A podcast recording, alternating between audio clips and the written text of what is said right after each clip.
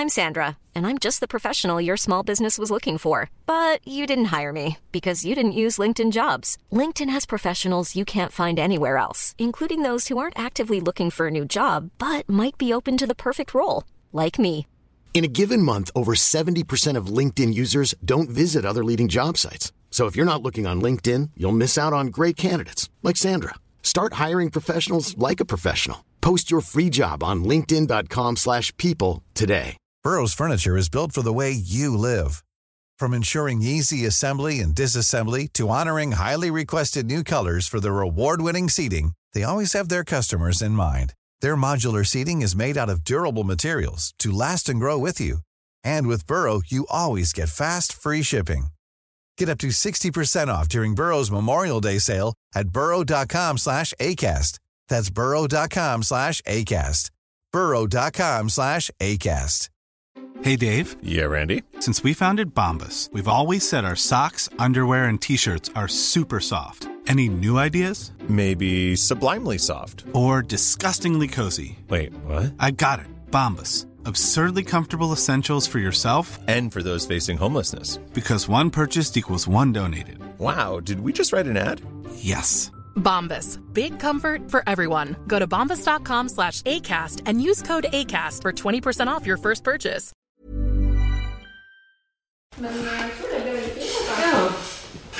Den var, den var mørkere. Det syns på bilder, liksom. Mamma er på besøk og synes åpenbart at veggfargen er for mørk. I forrige episode av Hjemflyttepodden hørte du Askims byarkitekt fortelle om fargene og prosjektene nede i sentrum av byen. For oss har denne uka handla mest om å fargelegge våre egne vegger i huset som vi nettopp har overtatt. I denne episoden møter du en annen person som også er med på å bestemme hvordan vi har det her, i småbyen på landet. Petra Brink flytta til Askim som 15-åring, men hun har allerede rukket å bli en profilert og erfaren politiker. Enda mer mystisk og imponerende er det kanskje at hun blei russepresident etter å ha bodd der i bare tre år. Sosialantropolog Thomas Hylland Eriksen er ukas innringer, og til slutt i dagens episode får du vite hva han mener er et godt sted å bo. Har mørke vegger.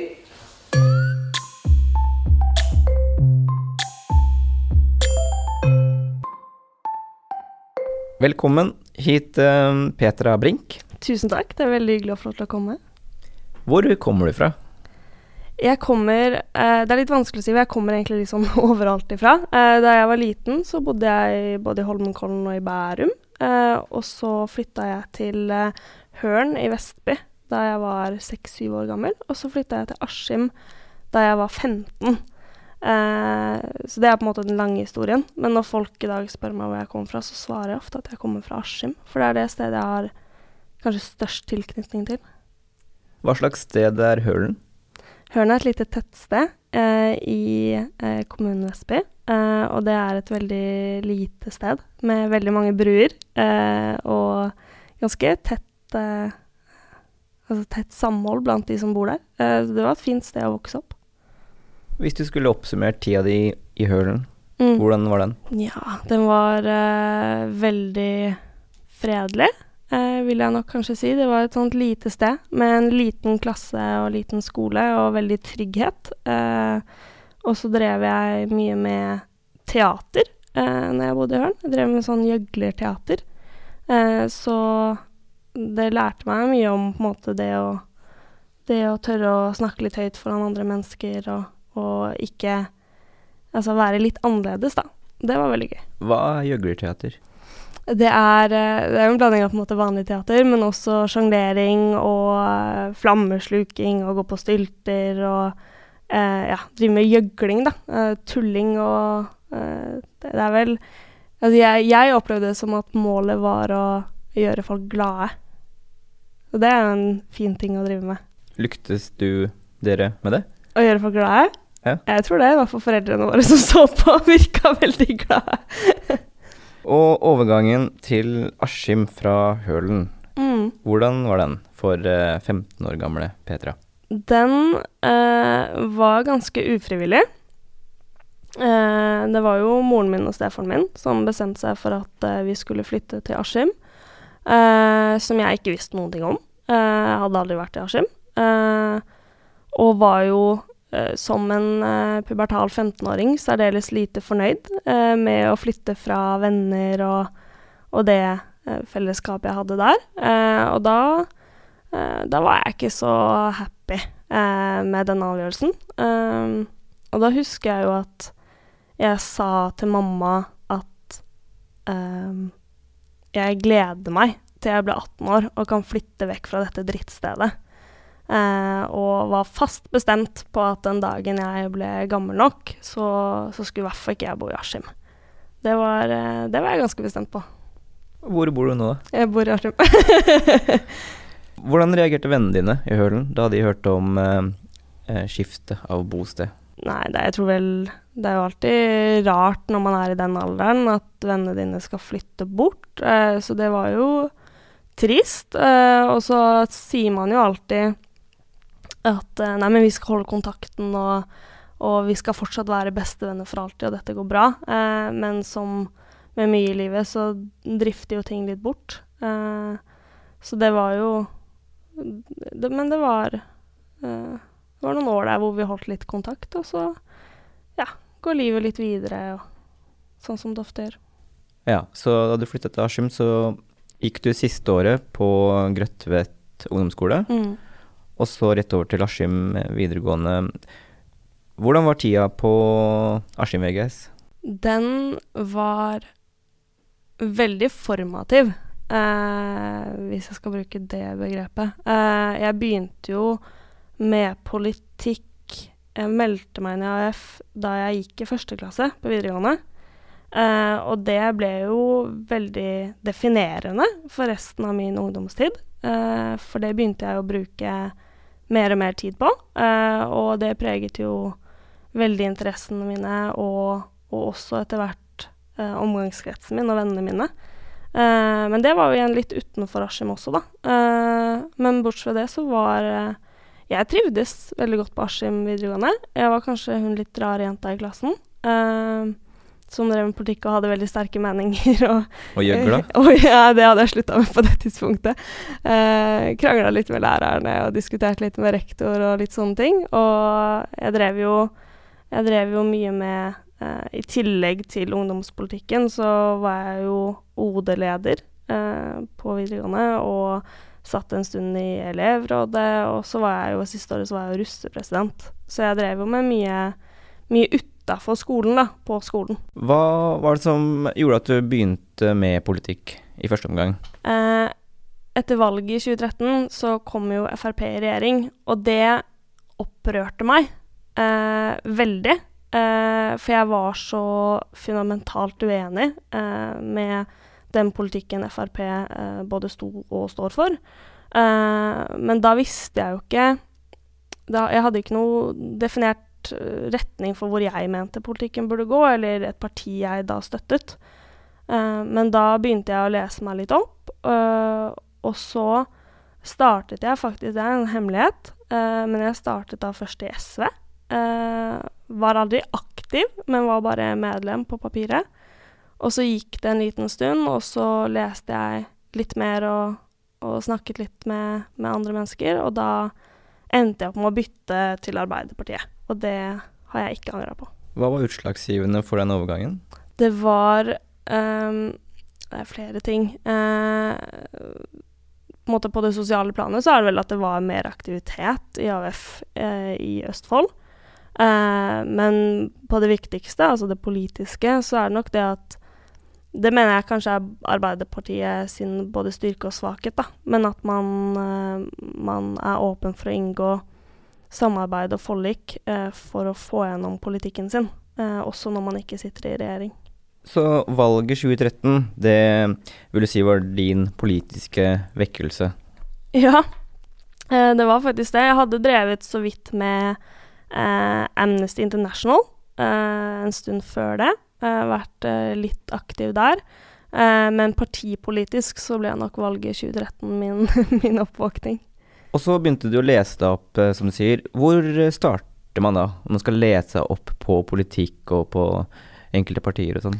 Uh, jeg fant frem uh, de valg eh, Du vet, alle partiene deler ut sånne pamfletter og, og små flygeblader under valgkampen, så jeg fant frem de som jeg hadde samla inn under valget, og, og, leste alle de på nytt og, og satte meg ordentlig inn i det. Uh, og så gikk jeg litt inn på de forskjellige partisidene på nettet og leste litt opp der. Og så fokuserte jeg litt på Eh, ideologien, og prøvde å finne ut av hva slags ideologi ligger nærmest mine meninger. Uh, og samlet sett, da, så ga jo det en pekepinn på at jeg i hvert fall var til venstre, og så uh, endte jeg da etter hvert opp i Arbeiderpartiet. Hva er forskjellen på ideologi og politikk?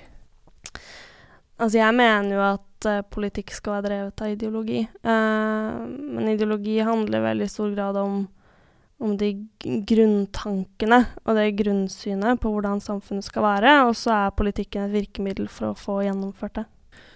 Jeg er litt uh, nysgjerrig på ungdomstida di i Askim. Ja. Uh, det er tolv uh, år mellom oss, og jeg gikk jo også sjøl på Askim videregående. Ja.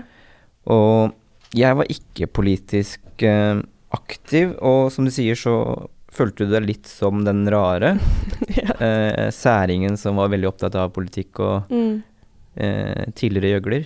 Ja. Um, det var jo ingen andre i Askim, eller det var veldig få da, på mitt trinn som, som drev med politikk. Ja, Men allikevel så ble du da russepresident. Ja. Hvorfor blir det en raring russepresident? Hvordan skjer det? Nei, si det. Um, det var nok um, de ikke sant, På videregående så har du alltid uh, de populære gjengene, og så har du uh, de som uh, fortsatt er dritkule, men kanskje ikke den mest populære gjengen på videregående. Og de som var kanskje ikke de mest populære gjengene, da, de spurte om jeg kunne stille som russepresident. sikkert fordi jeg da allerede Folk visste jo at jeg drev med politikk og tenkte at jeg hadde litt, litt styring. Eh, og så tenkte jeg at ja, det skader jo ikke å prøve. Eh, og da, da fikk jeg flertall, da. Og så skulle jeg plutselig være russepresident. Og det var jo en, en, veldig interessant opplevelse. Hvor viktig er russetida for uh, ungdom nå til dags? Ironisk nok så var ikke russetida sånn veldig viktig for meg. Uh, jeg syns det var gøy å legge til rette for en god russetid for andre, og, og, sørge for at alle følte seg inkludert i russetida vår. Og det håper jeg også de som var russ på mitt kull, sitter igjen med en følelse av. Uh, men jeg var ikke på sånn veldig mye arrangementer og sånn. Uh, så jeg tror det er nok litt individuelt. Uh, mange syns jo det er den viktigste tida på hele videregående. Og, og, på en måte når de bygger opp til helt siden første klasse. Uh, mens jeg var uh, Jeg brukte ikke så mye penger på det. Jeg kjøpte meg russedress og russekort. Uh, syntes det var fett å få gå med gullue. Det syns jeg var stas, liksom. Uh, og så var jeg vandreruss. Og hadde det, jeg hadde det fett med det, jeg. Var det? Da har du Altså, du har bussruss, og så har du vanruss, og så har du vandreruss. Og ja, det sier jo seg litt selv. Hvis du har bussruss, så har du en sånn svær buss med mange andre. Er du van, så har du van som du og en liten gjeng kjører rundt i, og hvis du har vandreruss, så går du. Eller sitter på med andre, da, som jeg gjorde. Det høres jo litt ut som en sånn erketypisk tradisjonell Arbeiderpartipolitiker som snekrer dansegulvet, men du danser ikke for dem, men danser ikke for mye sjøl heller. Litt sånn kjølig tilbaketrukken tilrettelegger for uh, russefesting? Ja. Øh, Altså, for all del, jeg hadde jo Jeg hadde nå mine kvelder i rustia, jeg òg. Uh, eh, jeg hadde jo det. Men, uh, men jeg vet ikke, jeg har alltid syntes det er Jeg har alltid likt å organisere ting. Jeg har likt å planlegge ting og, og legge ting til rette. Som er jo på en måte også noe jeg har fått lov til å drive mye med i AUF. blant annet gjennom å planlegge sommerleir på Utøya eller arrangere landsmøte til AUF og sånne ting. Uh, og det er Jeg vet ikke, jeg har alltid likt veldig godt det å organisere ting og planlegge det. Hvor kommer den interessen, den impulsen fra, tror du? Um, det vet jeg faktisk ikke helt. Um, men det er vel 2013? Valget 2013? Ja. Nei, men det er jo eh, Altså, av og til så snakker man om at i politikken så har du de som driver med organisasjon, og så har du de som driver med politikk. Eh, og jeg mener at hvis man skal kunne drive med politikk og være god på det, så må man også være god på organisasjon. Eh, fordi du får ikke til noen ting hvis ikke du organiserer eh, arbeidet eh, bra eh, og får med deg folk. Eh, så det er vel kanskje en sånn direkte korrelasjon da, til det å drive med politikk, at du må også like å organisere det litt. Ja, jeg må spørre deg litt mer om Askim videregående. Yeah. For det er så lenge siden jeg gikk der sjøl. Og det er litt spennende da, å høre eh, fra noen som gikk der eh, Ja, det er jo ikke ja, fire år siden. Ja, det er vel kanskje det. Du nevnte det med at det var forskjellige gjenger og, og klikker og sånn. Kan du beskrive litt mer? Hva slags type klikker eh, er det på Askim videregående for tida? Uh, jeg tror Jeg tror kanskje det endrer seg med hvert årstrinn, altså. Uh, jeg tror alle, alle årskull er litt forskjellige der. Um, men uh, når jeg gikk der, så var det jo Det var Ja, det var den gjengen med de litt eh, kule, da. Eh, og Ja, og, og, hvem var de kule? Hva var kult og populært eh, da du gikk der? Nei, det forstår jeg meg vel kanskje aldri helt på. Men uh, nei, jeg, jeg vet faktisk ikke helt. Uh, men det er vel Nei, jeg Men var det noen spesielle klær? Var det noen spesielle interesser? Var det noen type musikk som gjorde noe ekstra kult? egentlig ikke. Uh, det var jo mange som gikk kledd ganske likt. Um, og det var ikke noen sånne spesielle interesser som var kulere enn andre. Uh, eller politikk var kanskje ikke det kuleste du kunne drive med, da, men uh, Hvorfor tror du at det blei ansett som ukult eller litt spesielt å være opptatt av politikk? Nei, så som jeg sa i stad, så var jeg jo en av veldig, veldig, veldig få på Askim videregående som drev med det. Eh, og når du driver med politikk, så mener du plutselig veldig mye om veldig mye. Eh, og engasjerer deg, og jeg tok vel kanskje ordet litt mer i klassen enn det andre gjorde, og litt sånne ting. Og det er jo Det, det var litt annerledes, da. Eh, men eh, Men det var jo på en måte det var helt greit, men det var litt annerledes. Leser ungdommen i Indre Østfold eh, lokalavisa? Jeg gjør. Uh, men uh, om veldig mange gjør det, det vet jeg ikke. Uh, det har jeg ikke sett statistikk på. Jeg håper jo at flere gjør det. For jeg mener at det er viktig å følge med på hva som skjer, ikke bare nasjonalt, men også lokalt. Er det fortsatt litt sånn kjedelig for ungdommen å være opptatt av samfunnsting og politikk? Sånn som det var da jeg var ungdom?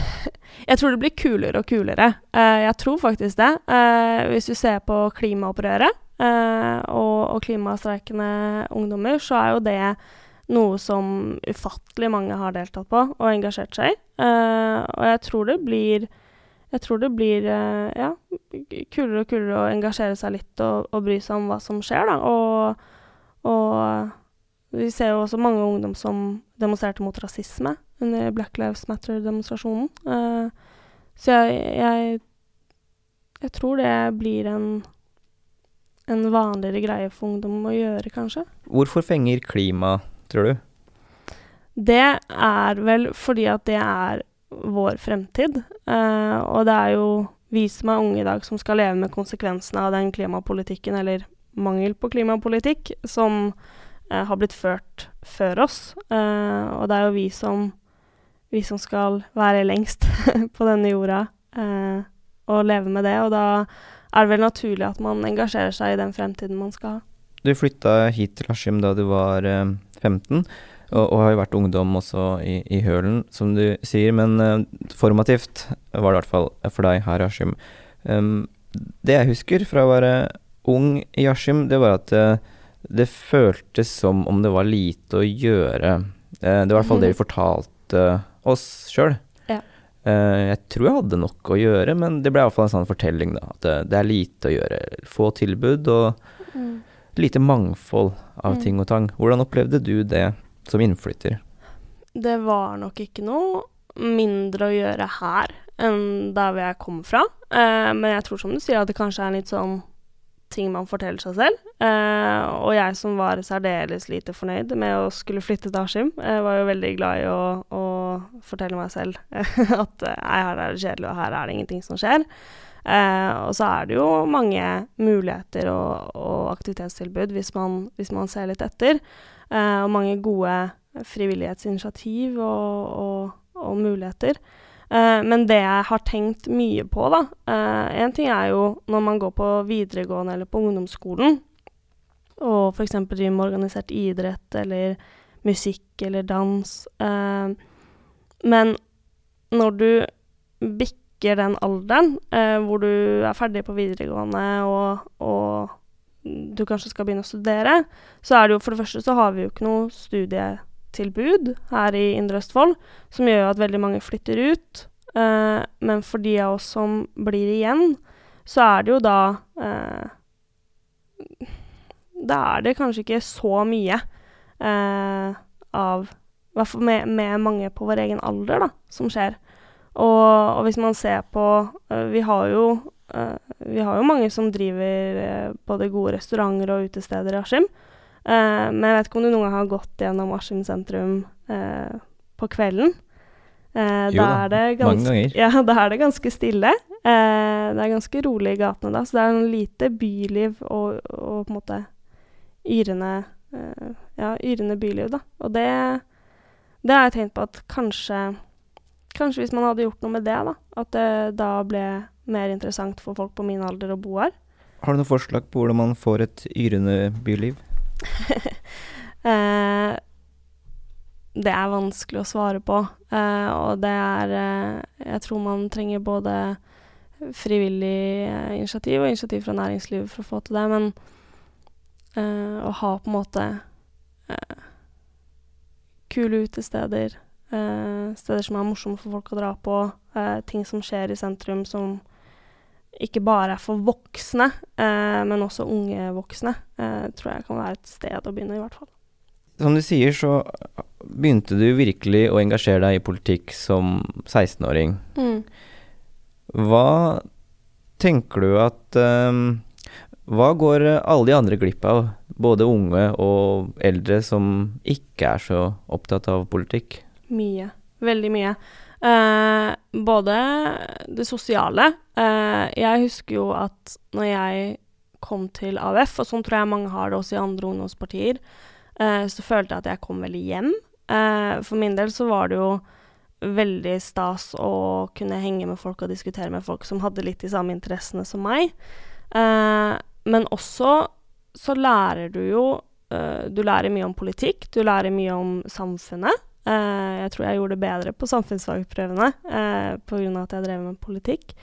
Og så lærer du, du lærer om møteledelse og møtekultur, og du lærer å skrive, for man skriver mye politiske forslag og kronikker, og man øver på debatt og har debattskoleringer, så man, man, lærer jo i stor grad å argumentere og diskutere på en saklig måte. Uh, så det er mye det er mye av det jeg har lært i politikken som jeg også har hatt mye bruk for i skolen, f.eks.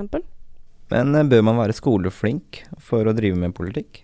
Absolutt ikke, og det mener jeg vel kanskje er eh, en av de største utfordringene for politikken i dag, er at i hvert fall sånn som jeg ser på det fra AUF, da, så har du veldig mange studiespesialiseringselever eh, som er eh, aktive medlemmer. Eh, og så mister man eh, mange andre. Eh, og du har Man ser jo det, det er veldig mange av de som er med, som, som på en måte er litt eh, interessert i skolen fra før av. og jeg tror at politikken og politikkutviklingen har godt av å ha inn en mer variert uh, gruppe mennesker da, som skal være med å utforme den. For det er jo politikk som skal gjelde for hele samfunnet. Og det er jo noe vi har jobba mye med AUF, å få inn eh, f.eks. flere fra yrkesfag, som er et stor mangel i politikken i dag. Ja, Så mange unge indre østfoldinger synes fortsatt at politikk er litt kjedelig. Men jeg lurer på, bør ikke politikk være litt kjedelig? Er det ikke et problem at politikk blir underholdning? Jo, uh, jeg mener jo ikke at det skal være underholdning, og det er veldig mye rart uh, man som politiker av og til blir bedt om å gjøre under valgkamp og sånn, hvor du står der og bare Jøss, er jeg tilbake til gjøgletiden, eller hva er det jeg driver med nå, egentlig? Uh, men, men det handler på en måte ikke om at det skal være underholdning, eh, men jeg mener jo at det, det burde jo være interessant for folk øh, Altså, jeg syns jo det er interessant å kunne være med å, å, bestemme hvordan samfunnet skal være, og hvilken vei samfunnet skal gå, og hvilken fremtid både jeg selv vil bli voksen i, men også potensielt kanskje fremtiden mine barn skal vokse opp i. Uh, og det er jo Altså, vi, hvis, vi, ser jo det, da. Nå er vi jo heldigvis Det er veldig kult med det nye kommunestyret i Indre Østfold. Så er vi tre uh, relativt unge folk. Men jeg satt jo fire år i kommunestyret i Askim. Og tror jeg var den eneste under 30. Jeg ble valgt inn som 18-åring. Og, og, jeg mener det at politikken har godt av å ha flere unge eh, som kan være med å løfte synspunktene til unge og og de tingene som er viktige for oss, da. Eh, for det er jo uh, Det er veldig mange gamle mennesker som sitter og tar avgjørelser som er ganske, uh, ganske styrende for livet til ungdommer. Og da mener jeg at den politikken hadde kanskje blitt bedre hvis flere ungdommer hadde tatt ordet og vært med å påvirke. Ja, vi, må, vi, må, gå gjennom de ulike rollene du har hatt, fordi det er jo en del.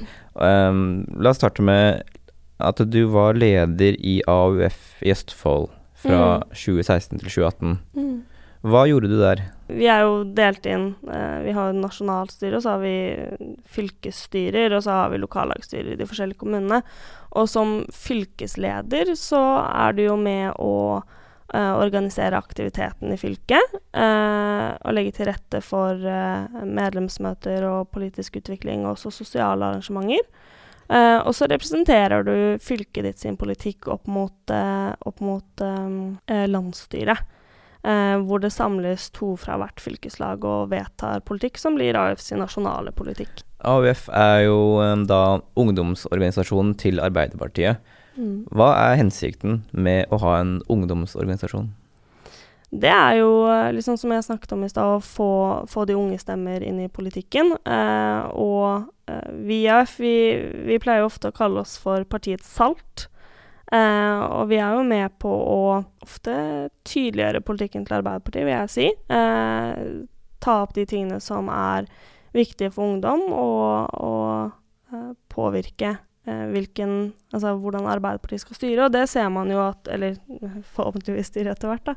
Eh, og det ser man jo at man har fått til i mange saker. Altså i, på landsmøtet til Arbeiderpartiet sist så vedtok man jo f.eks. at man ikke vil ha oljeboring i Lofoten, Vesterålen og Senja.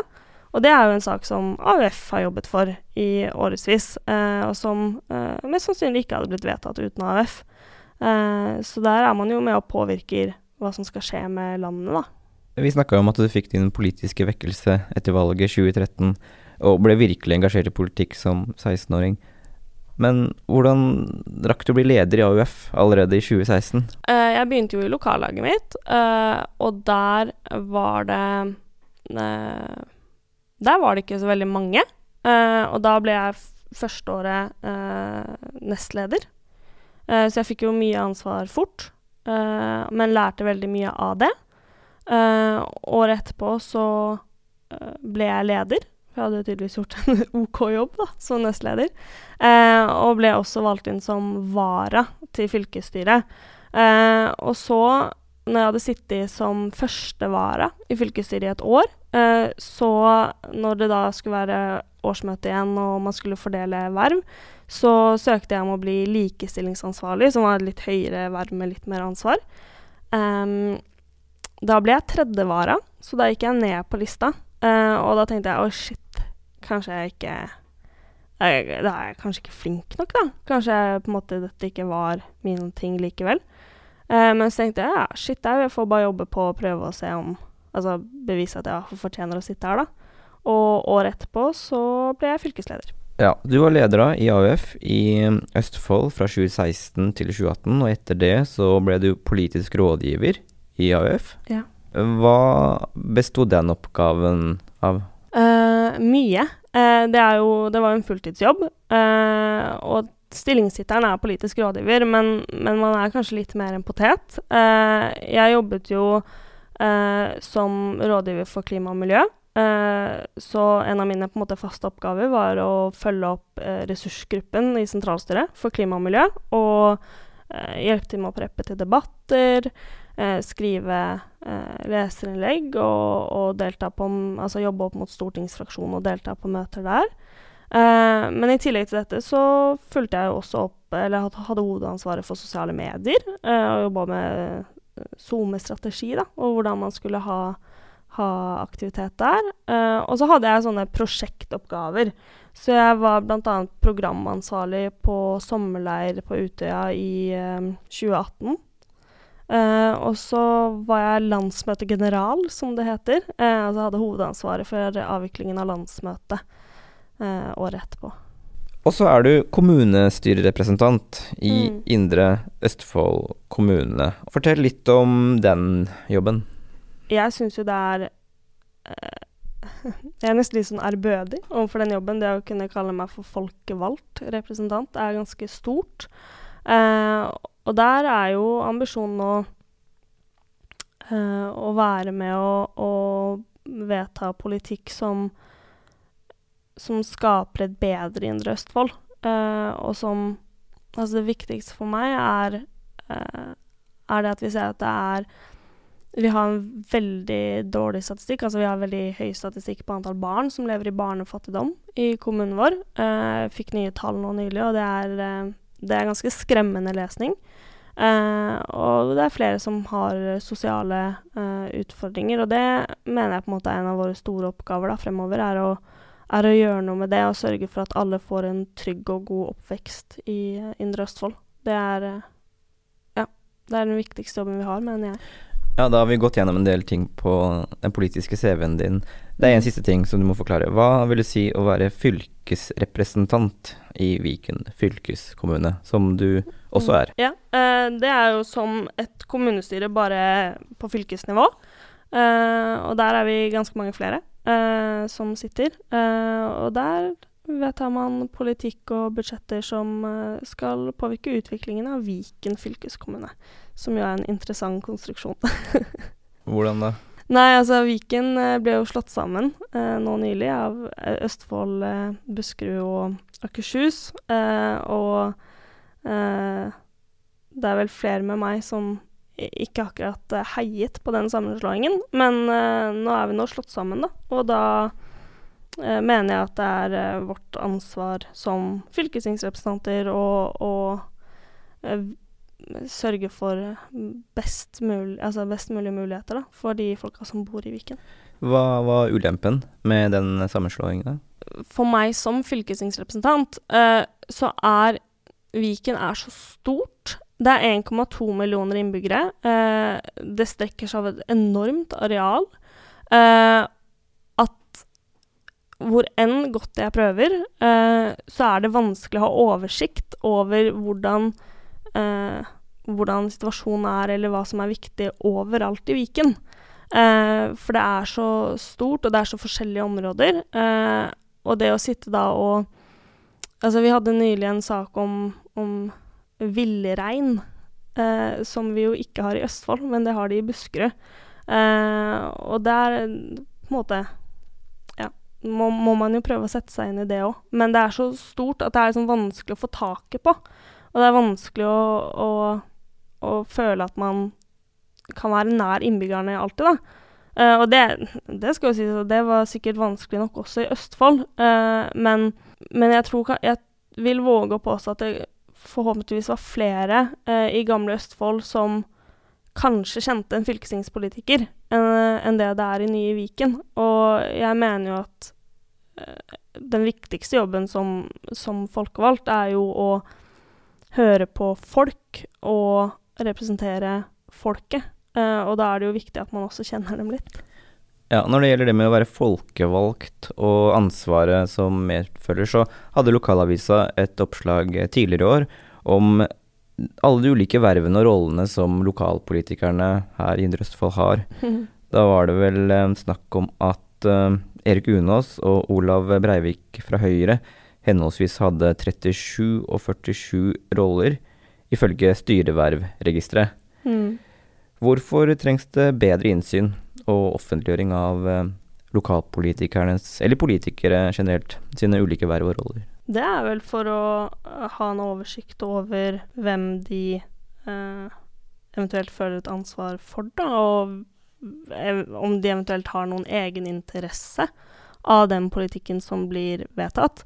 Eh, vi går jo I starten av hvert kommunestyre så spør alltid ordførerne om det er noen som har lyst til å eh, melde sin inhabilitet, eller stille spørsmålstegn ved egen habilitet. Og det betyr om man eh, er habil, om man Altså uh, upartisk, da, uh, i de vedtakene som skal fattes. Uh, så hvis f.eks. Eh, det er snakk om at man skal bygge en ny vei om å rive huset der hvor jeg bor, så vil jo jeg være inhabil, eh, f.eks.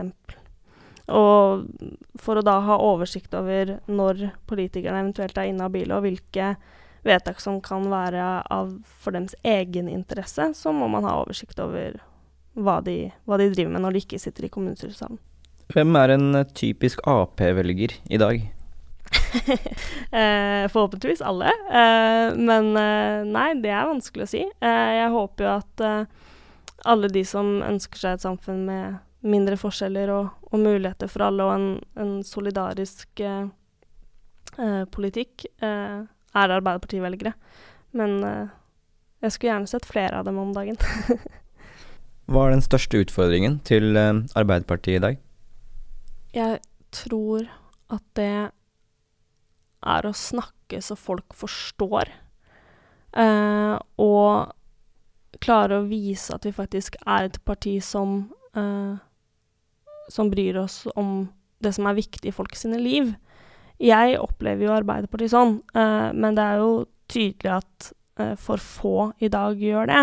Og jeg tror at ting ofte Altså uttalelser ofte kan oppleves litt ullent og litt uklare. og da da forstår ikke folk hvor vi vil, og det er jo problematisk. Så jeg tror det å klare å være tydelige med hvilken politikk vi egentlig har lyst til å føre, og, og hvor vi vil ta Norge, er, er, eh, den største utfordringen vi har i dag. På nettsida til eh, Indre Østfold Arbeiderparti så står det at vårt mål er å skape et eh, varmt, inkluderende samfunn. Mm. Hva legger du i det, et varmt og inkluderende samfunn?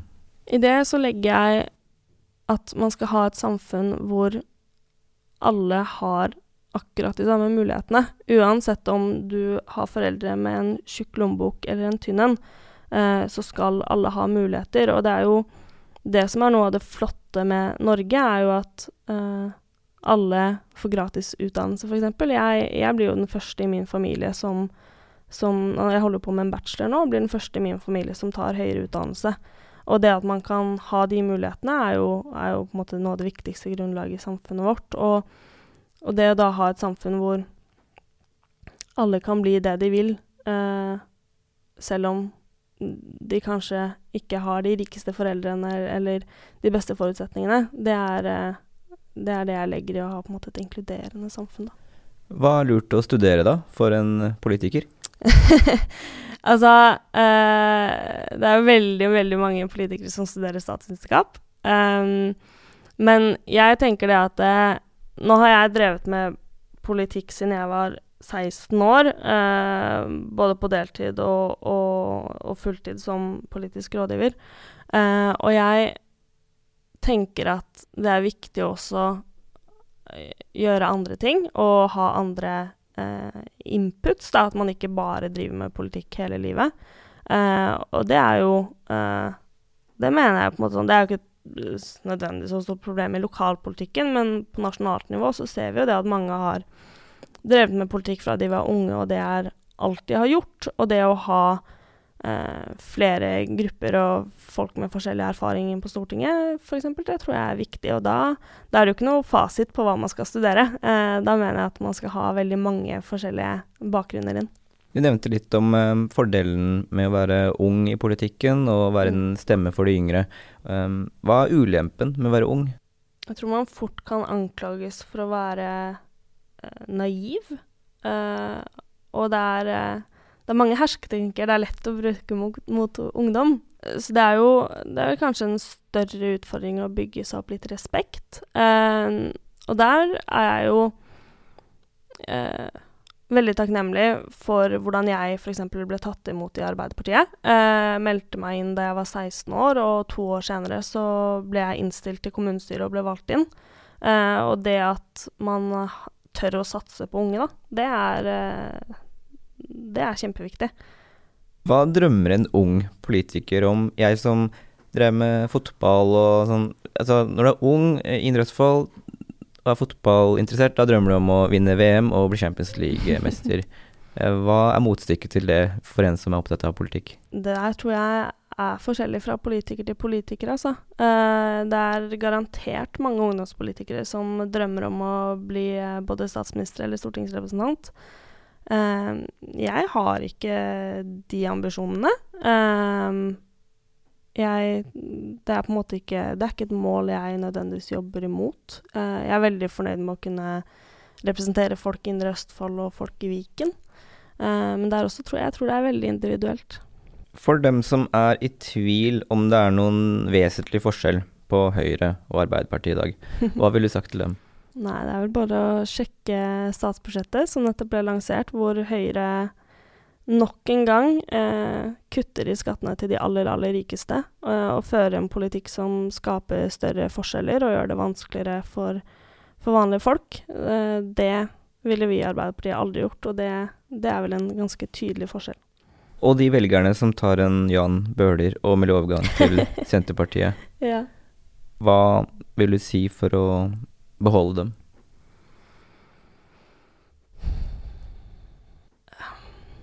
Ja, si det. Um, jeg mener jo at man skal eh, engasjere seg etter sin politiske overbevisning. Og hvis man mener at eh, det ikke lenger er Arbeiderpartiet, så, så er det fair.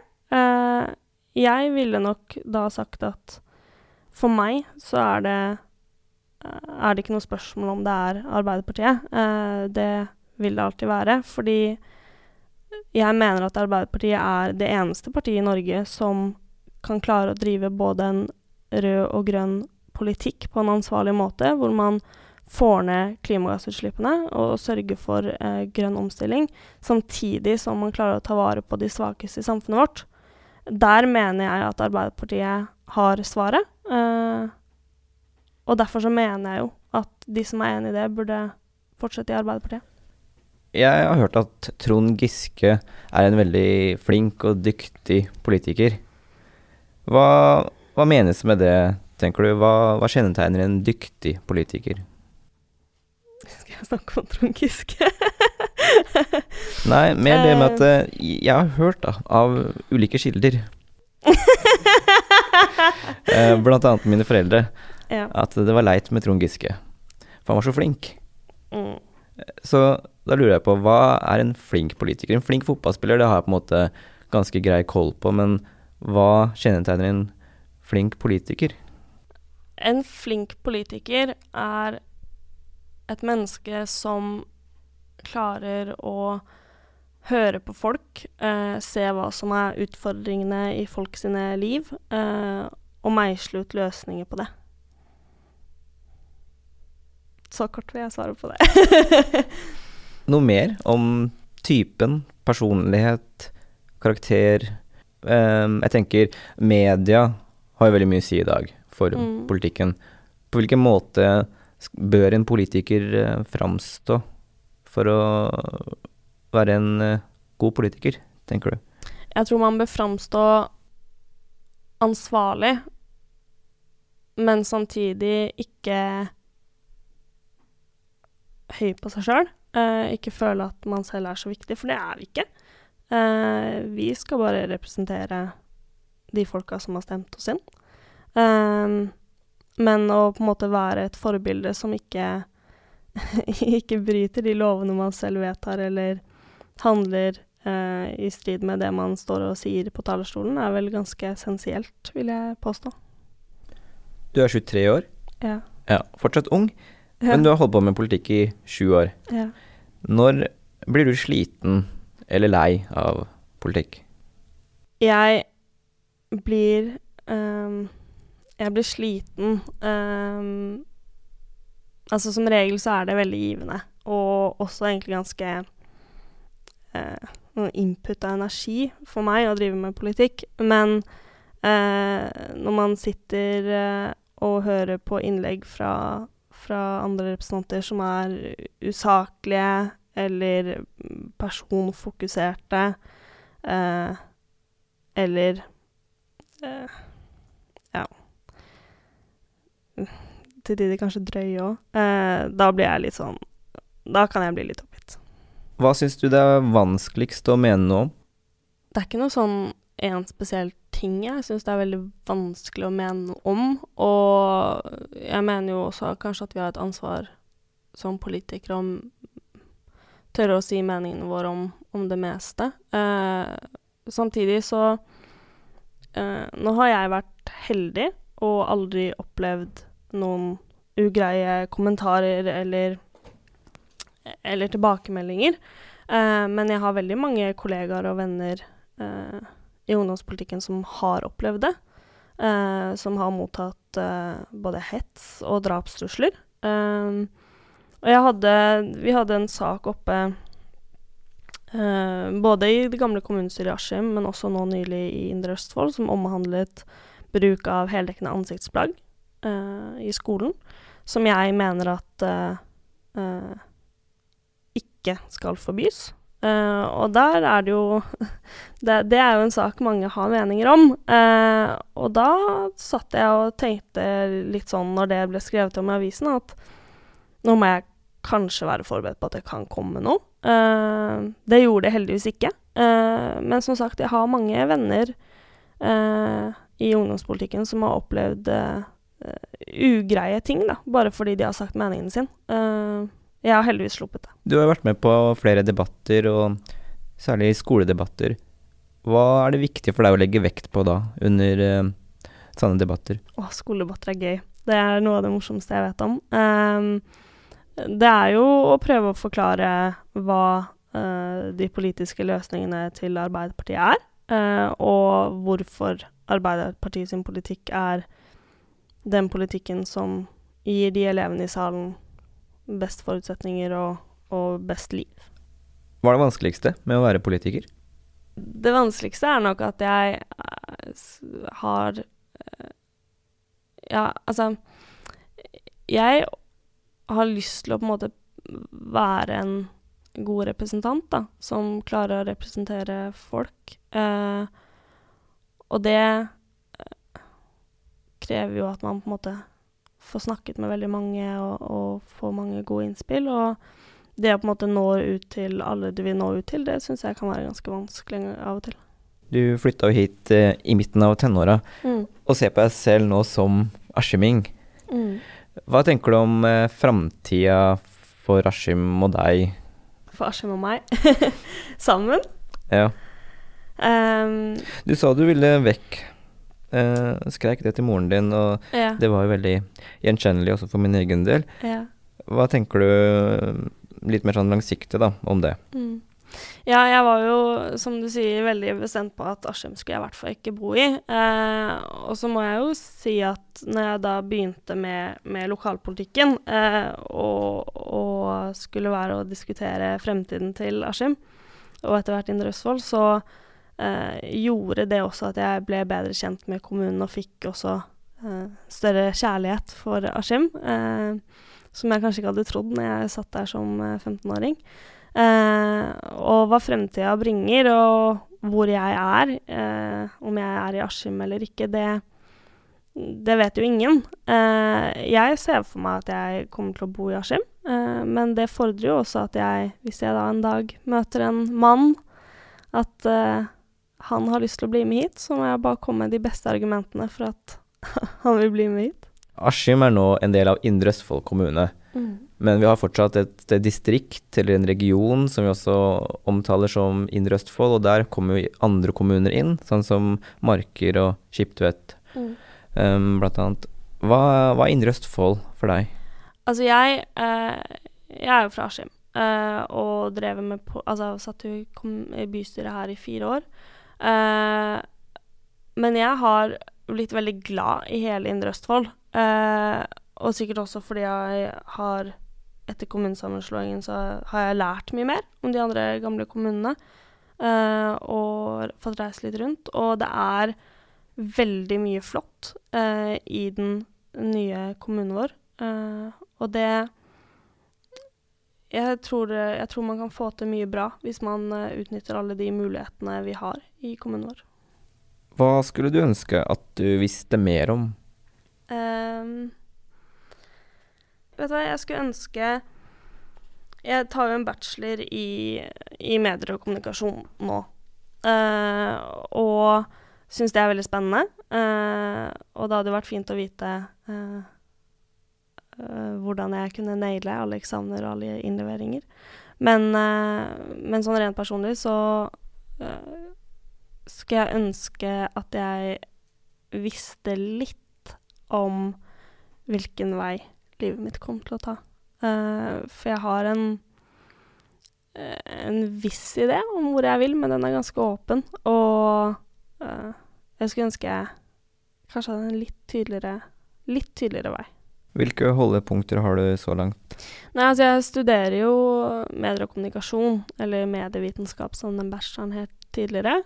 Uh, og den kan jeg jo bruke til å jobbe enten med journalistikk uh, eller medievitenskap og medieanalyse. Eh, om det blir da om jeg blir en journalist, eller om jeg blir kommunikasjonsrådgiver eller spinndoktor, det, det vet jeg ikke ennå. Men det er vel litt Det er i hvert fall den veien jeg begynner å bevege meg mot, tror jeg.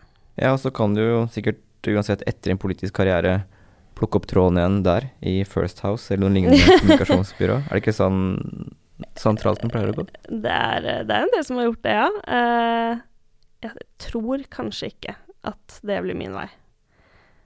Jeg tror nesten jeg kan love deg at jeg ikke kommer til å ende opp i First House. Da har jeg bare ett spørsmål igjen, Petra Brink. Yeah. Hva er et godt sted å bo? Askim. Indre Østfold. Viken. Petra Brink, tusen takk for praten. Selv takk.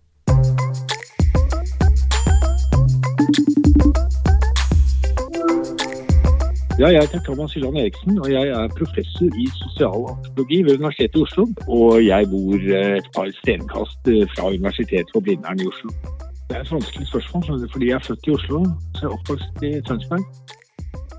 Uh, og så flyttet jeg til Oslo igjen for å studere. Jeg tror jeg må si at jeg kom fra Nøtterøy. Det var der jeg hadde barndommen min. Selv om jeg var seks år da vi flyttet til. Betydningen av slektskap. Fordi vi var innflyttere og hadde derfor ikke uh, tanter, onkler, besteforeldre og andre i nærheten. Så jeg registrerte jo veldig tidlig hvilken forskjell det innebar. Altså De som var på en måte forankret gjennom slektskapsnettverk, Eh, hadde en helt annen type tilhørighet enn vi som var innflyttere. Det er et godt sted å bo, ja. ja. For de aller fleste så er det et sted hvor man har sosial trygghet. Hvor du har uh, folk som bryr seg om deg. Folk du kan gå til med dine problemer, og som du vet vil stille opp for deg hvis det oppstår en krise. Trygghet er viktigere enn frihet.